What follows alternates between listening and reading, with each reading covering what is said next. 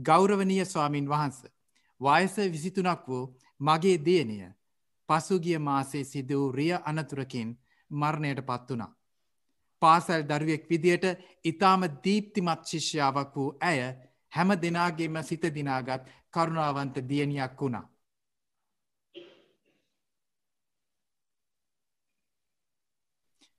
අවසාන කාලේ ඇය බාධාරණට ගත්තා. ඇගේ මරණය අපට ඇති කළේ වචනයෙන් කිව නොහැකි කම්පනයක්. දුව සුගතියක ඉපද සිටිනවාද යන්න නිතර මගේ හිතට එනවා. ඇය මතක් නොවෙන වේලාවක් නැති තරම්. මම මගේ හිත හදාගන්නා විදියක් මට මගේ හිත හදාගන්නා විදියක් මට කරුණාවෙන් පහදා දෙන්න ස්වාමින් වහන්ස. මේමයි මත බුදුරජාණන් වහන්සේ හිත හදාගන්නවා කෙන දුකෙන් දුකතුනී කරගන්න විදියක් නො යහන්න නේද දුකෙන් විදිිය දුකතුනී කරගන්න විදියක්. ඉතින් දුකතුනී කරගන්න සුන්දර මාර්ගයක් බුදුරජාණන් වහන්සේ දේශනා කළ තිනවන මාත්‍යය පේන්න බුදුරජාණන් වහන්සේ සුන්දර මාර්ගයක් දේශනා කළ දෙන දුකෙන් මිටෙන්නේ එනම් මේසා සුන්දර දුකෙන් මිදීමේ මාර්ගයක් දේශනා කල්ලා තියෙද්දී අපි තාමත් දුක තුළනන් ජීවත් වෙන්නේ. එකන්න අපේ මාර්ගය ජීවිතයට එකතු කරගෙන නැහැ.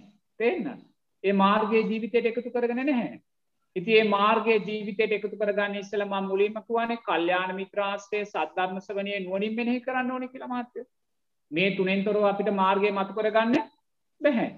එතොට කෙනෙක්කින් ඔයා කල්්‍යාන මිත්‍රාස්ටේ ලබනවා සද්ධර්මස වනය කරනවා. නමුත්තේ සද්ධර්මය නුවනින් මෙනෙහි කරන්නේ නැහැ. සද්ධර්මය නුවනින් මෙනෙහි නොකර එය ආරෂ්ඨාංගික මාර්ගය තුළත් ඉන්නවා. ය සීලේ ශක්තිමත් කරගන්න ඔයා දන් දෙනවා. ඔයා මෛත්‍රී වඩනවා. නමුත් කොයි වෙලාකවත් ධර්මය නුවනින් මෙනෙහි කරන්නේ? එනිසා කුමන ධර්මයක් වුණ සාර්ථක වෙන්න නම් මහත්තයෝ ශ්‍රවණය කලා වූ ධර්මය නුවනින් මෙනෙහි කරන්න ඕනේ. තේන්නල් ධර්මය ශ්‍රවණය කරලා ධර්මය නුවනින් මෙනෙහි කිරීමෙන් තොරව අපි දන්දුන්නත් සිල් සමාදන් වනත් මෛත්‍රී වැඩුවත් ඒවා තුළින් අපි සැබෑ මාර්ගය ශක්තිපත් කරගන්න මාර්ගය දිසාවට අපි ජීවිතය යොමු කරගන්නේ නැහැ.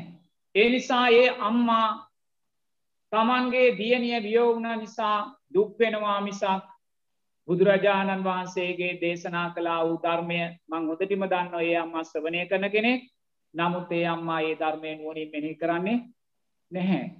එතකොට ඒ ධර්මය නුවනින් මෙනෙහි කරද්දී මොකක්දයා දකින්න මහත්තයෝ. අර මුගලන් මහෝත්තමයාණන් වහන්සේ එ ප්‍රාතිහාරය දක්වන ගෞරුවනය රහතන් වහන්සේලා අතරින් අග්‍රස්ථානයට පත්වෙච රහතන් වහන්සේ. උන්වහන්සේ පිරිනිවන් පාන්‍ය මහත්තයෝ හොරු රැලක් උන්වහන්සේ අල්ලගෙන උන්වහන්සේගේ අතපය කුඩුවෙන්න්නම ගහන්න. උන්වහන්සේගේ අතපය කැඩෙන්න්නම ගහනවා. ඒ කැඩෙන්න්නම ගහල තමයි උන්වහන්සේ උන්වහන්සේගේ අධ්‍යාත්මික ශක්තියෙන් ඒ විදුණු අතපා එකතු කරගෙන ලෝතුරා බුදුරජාණන් වහන්සේ ළඟට ඇවිල්ලා අවසර අරගෙන පිරිනිවන් පානි.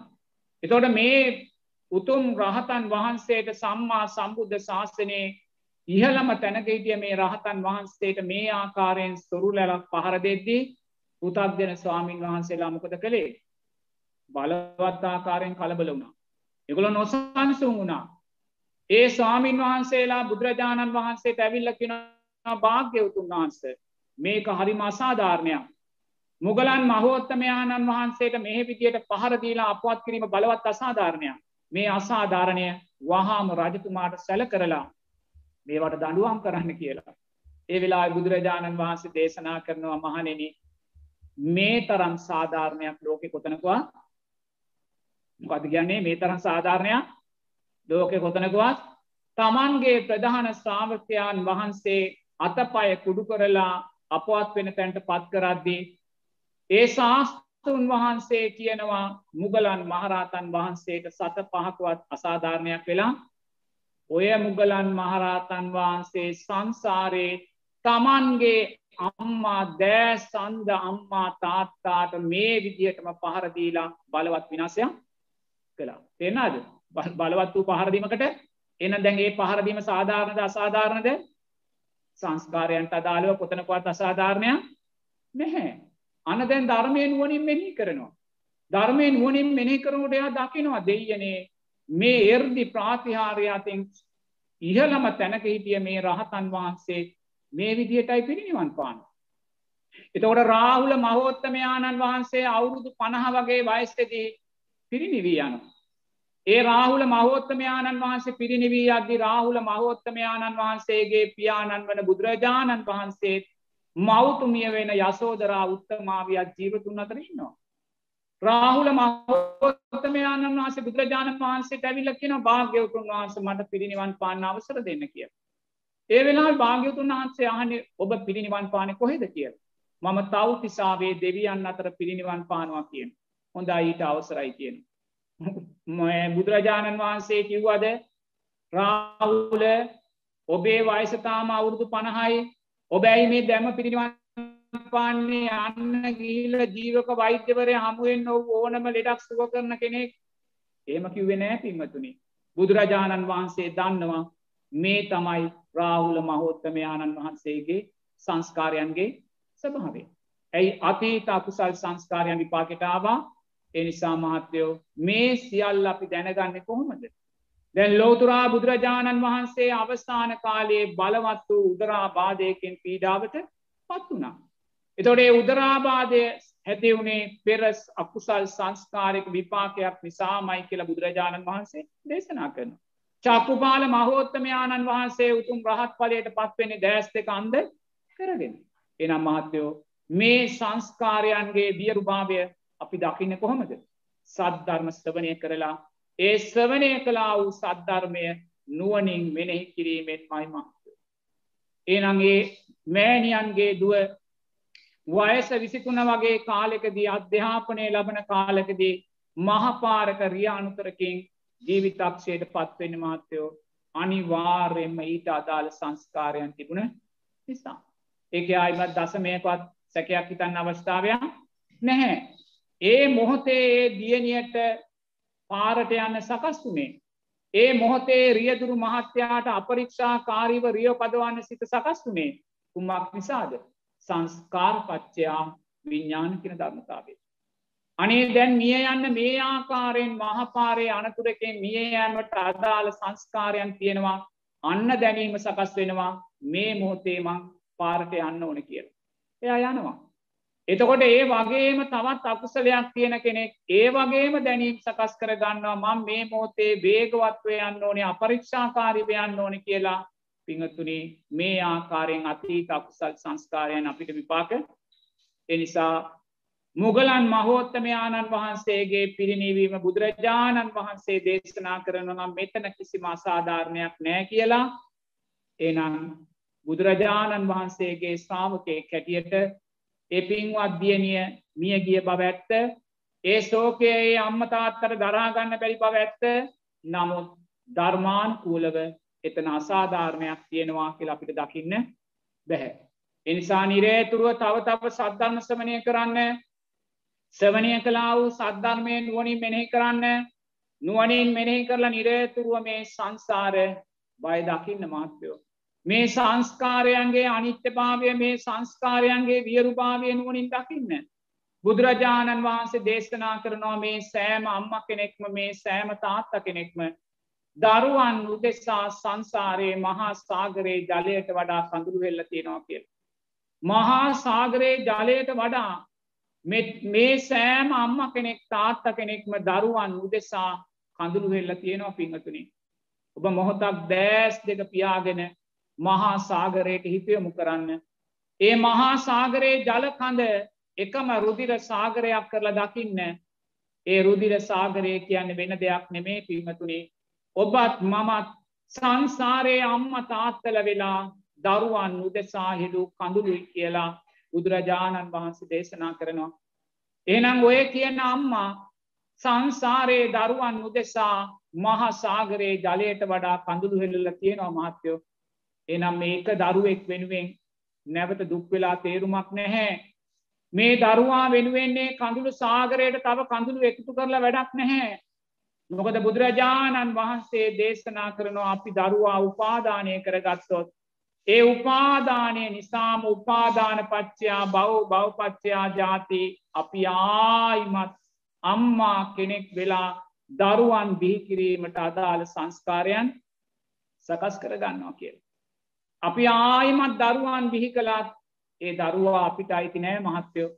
දැන් ඔය අවුරුදු විසිතුනක් වයස සුන්දර තරුණ දරුවා ඒ අම්මට අයිති නැහැ. ඒ තාත්තට අයිති නැහැ. ඒ සුන්දර දරුවා මරණාසන්න මොහොතේ බුදුගුණයක් සිහිපත් වෙලා අනේ කලා වූ කුසල් ධර්මයක් මතු වෙලා මව්කුසක ඉපදුනානං දැන් අවුරුදු තුනාතරක දරුවෙක් වෙලා ඒ අම්මා තාත්තා ඒ දරුවා පෝෂණය කරනු ඇති. ඔබට ඒ දරුවාගේ දසමයකවත් අයිතියක් දැන් ඔබට එනම් ඔබෝය හඬන්නේ ඔබට අයිති නැති දරුවෙක් නිසාමයි. එනිසා නිරේතුරුව දක්ෂ වෙන්න මටත් අම්ම කෙනෙක් තාත්ත කෙනෙක් හිටිය. ඒ අව මාව දසමාසයක් කුසේහවාගෙන පෝෂණය කලා ලේටික කිරිකරල මට පෙව්වා. නොවිදිනා දුකක් විඳලා ඒ අය මාව පෝෂණය කළා.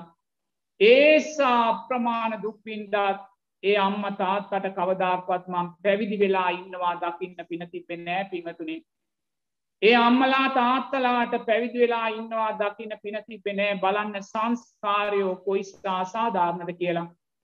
මේ පංච උපාදානස්කන්ද ලෝකය කොයිසා අසාධාරණද කියලා.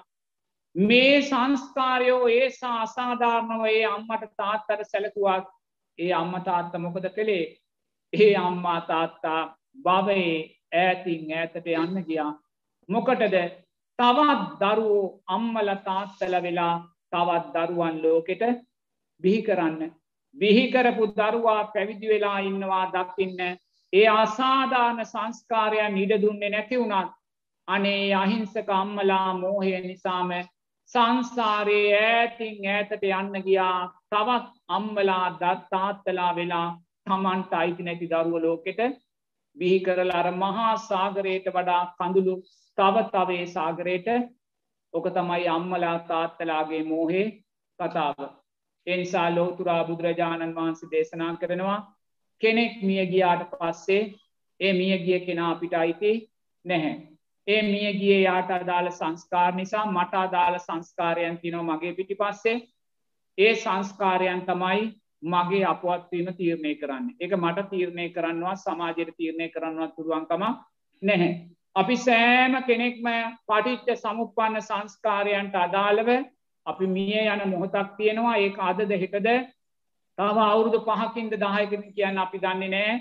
එනිසාපි යම් මොහොතක මිය පරලව ගියානං ඒත හේතු පල ධර්මයක් මයි එනිසා යමෙක් මිය ගියාට පස්සේ ඒ මිය ගිය කෙනා ඔබට අයිති නෑ. එනිසා ඔබ ඔබට අයිති නැති දෙයක් මගේ කරගෙන නැවත නැවත ඔබ සංස්කාරයන් රැස් කරන්න එපා. ඔබේ දරුවා මිය ගියානම් දරුවා සිහිපත් වෙන සෑම මොහොතකම සුන්දර දිව්‍යාංගනාවක් හිතේ මවාගන්න ඒ සුන්දර දිව්‍යාංගනාවත් එක්ක ඔබ ජීවත් වෙන්න.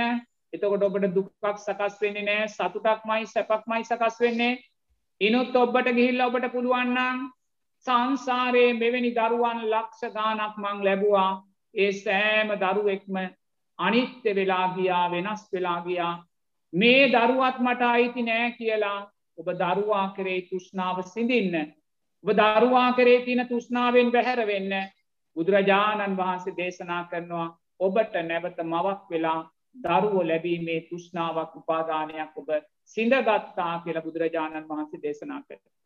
එනිසා ඔබේ වයස විසිතුන්නක් වයසේ සුන්දර දියණිය සුන්දර සංස්කාරයන්ට අදාලෝ පරිත්‍යාගයක් කරලා තියෙනවා ඔබට සුන්දර පූර්වාදර්ශයක් කමටහනක් දීලතිනවා මව්පියන් හැටියට ඒ කමටහන්න ජීවිතයට එකතු කරගන්න. ඒ කමටහන ජීවිතයට එකතු කරගන ඔබේ දරුවා සිහිපත් වෙන මෝතේ සියලු සංස්කාරයෝ අනිත්‍යයි කියල දකින්න දක්ෂණන් සැපවින්ම ඒ දරුවා උතුම් ධර්මරත්නයක් බෞටම පත්වෙනවා. උතුම් සංගරත්නයක් බෞටම පත්වෙනවා මොකද ඒ දරුවා ඔබට කියල දෙන්නේ සුන්දර ධර්මයක් මයි එනිසා ඔබේ මිය ගිය දරුවාට ඔබට දෙන්න පුළුවන් ශේෂ්ඨම දායාදයක් ශේෂ්ඨම කෘතවේදී භාවයක් ශේෂ්ඨම ගෞරවයක් ආදරයක් තියෙනවනං ඒ ශේෂ්ඨම ගෞරවය කෘතවේදී භාවය තමයි ඒ දරුවා සිහිපත් වෙන මොහොතේ සියලු සංස්කාරයෝ අනිත්‍යයි කියල දකින්න. ඔබ එසේ නොදැක දරුවා සිහිපත් වෙන මොහොතක් පාසා ඔබ හඬා වැටෙනවා නං ඔබ ඔබේ දරුවාට ඊට වඩා අසාධාරණයක් කරන අම්ම කෙනෙ බෞට් පතාත්ත කෙනෙ බෞට් පත්වෙන්නේ නැහැ. ඒ නිසා නිරේ තුරුවම දරුවා කියන දුකක් දරුවා කියන දුකක් නං කරුණා කරලා දරුවා කියන අර්ථය කරේ තින තුෂ්නාව නැති කරලා දාන්න. නමුත් යුතුකම් පක්ෂයා බුදුරජාණන් වහන්සේ දේශනා කරනවා මියගිය දරුවා උදෙසා කළ යුතු පිම්පෙට් කරලා ඒ පින් පෙත් කරපු වෙලාට දරුවාගේ නම කියල පින් අනුමෝදන් කරන්න එය සම්මාධිත්‍ය අර්ථයක් ඔබේ යුතුකමක් ඒ යුතුකම ඉටු කරලා ඉන් එහා ඒ දරුවා සිහිපත් වෙන මොහොසක් පාසා සියලු සංස්කාරයෝ අනිත්‍යය කියල දකින්න. මහා සාගරයේ තියෙන ජල කඳ ඉහට නගාගන්න ධර්මයෝ ධර්මයෝ වඩත් කියල බුදුරජාණන් වහන්සේ දේශනා කරනවා. අධර්මයෝ අධර්මයන් වඩත් කියල බුදුරජාණන් වහන්සේ දේශනා කරනවා. ඔබ ඒ රූපය නිත්‍ය සංඥාවෙන් අරගෙන වැඩුවොත් ඔබ අධර්මයක් මයි වඩන්නේ. එනිසා අධර්මයමයි ඔබ තුළ නැවතත් නැවතත් නැවතත් නැවතත් වැඩෙන්. ඔබ මේ දුක්වෙන්නේ අධර්මය වඩපු නිසාමයි. මෝහෙන් රූපය මගේ කරගත්ත නිසාමයි. එනිසා මේ මොහොතේ පටන් ඔබට ඔබේ මිය ගිය දියනිය සුන්දර දිව්‍ය තලය ඉපදිලා ඔබට සුන්දර අලුත් අවුදුදු තෑග්ගක් ගෙනල්ල දෙනවා. ඔබේම හිතන්න ඔබේ සුන්දර දියනිය පටිච්ච සමුපන්නව දීව්‍ය තලයක ඉපදිලා මේ සුන්දර සිංහල අලුත් අවුරුදු මංගල්ලයක් සිද්ධ වෙන වෙලාවේ ඔබට සුන්දර තෑග්ගක් අලුත් අවුරුදු තෑග්ගක් ගෙනත් දෙනවා. මොකක්දේ අලුත් අවුරුත් තෑග්ද අම්මේ ඔබට නැවතමාව සිහිපත් වෙනවා නං කරුණා කරම්මේ සියලු සංස්කාරයෝ අනිත්‍යයි කියල දකින්න ඔබ සියලු සංස්කාරයෝ අනිත්‍යයි කියල දකිද්දේ අම්බේ ඔබ සංසාරයක් පුරාවට දරුවන් උදෙසා හෙඩෝ මහා සාගරයකට වඩා කඳුළු සාගරය ඔබ මේ ජීවිතේදීම නිවා දැම්මා හිඳ දැම්මා කියලා ඒ දරුවයේ සුන්දර අලුත් අවුරුදු පනිවිඩේ සටහන් කරලා තියේ පෙරුවන් සරණ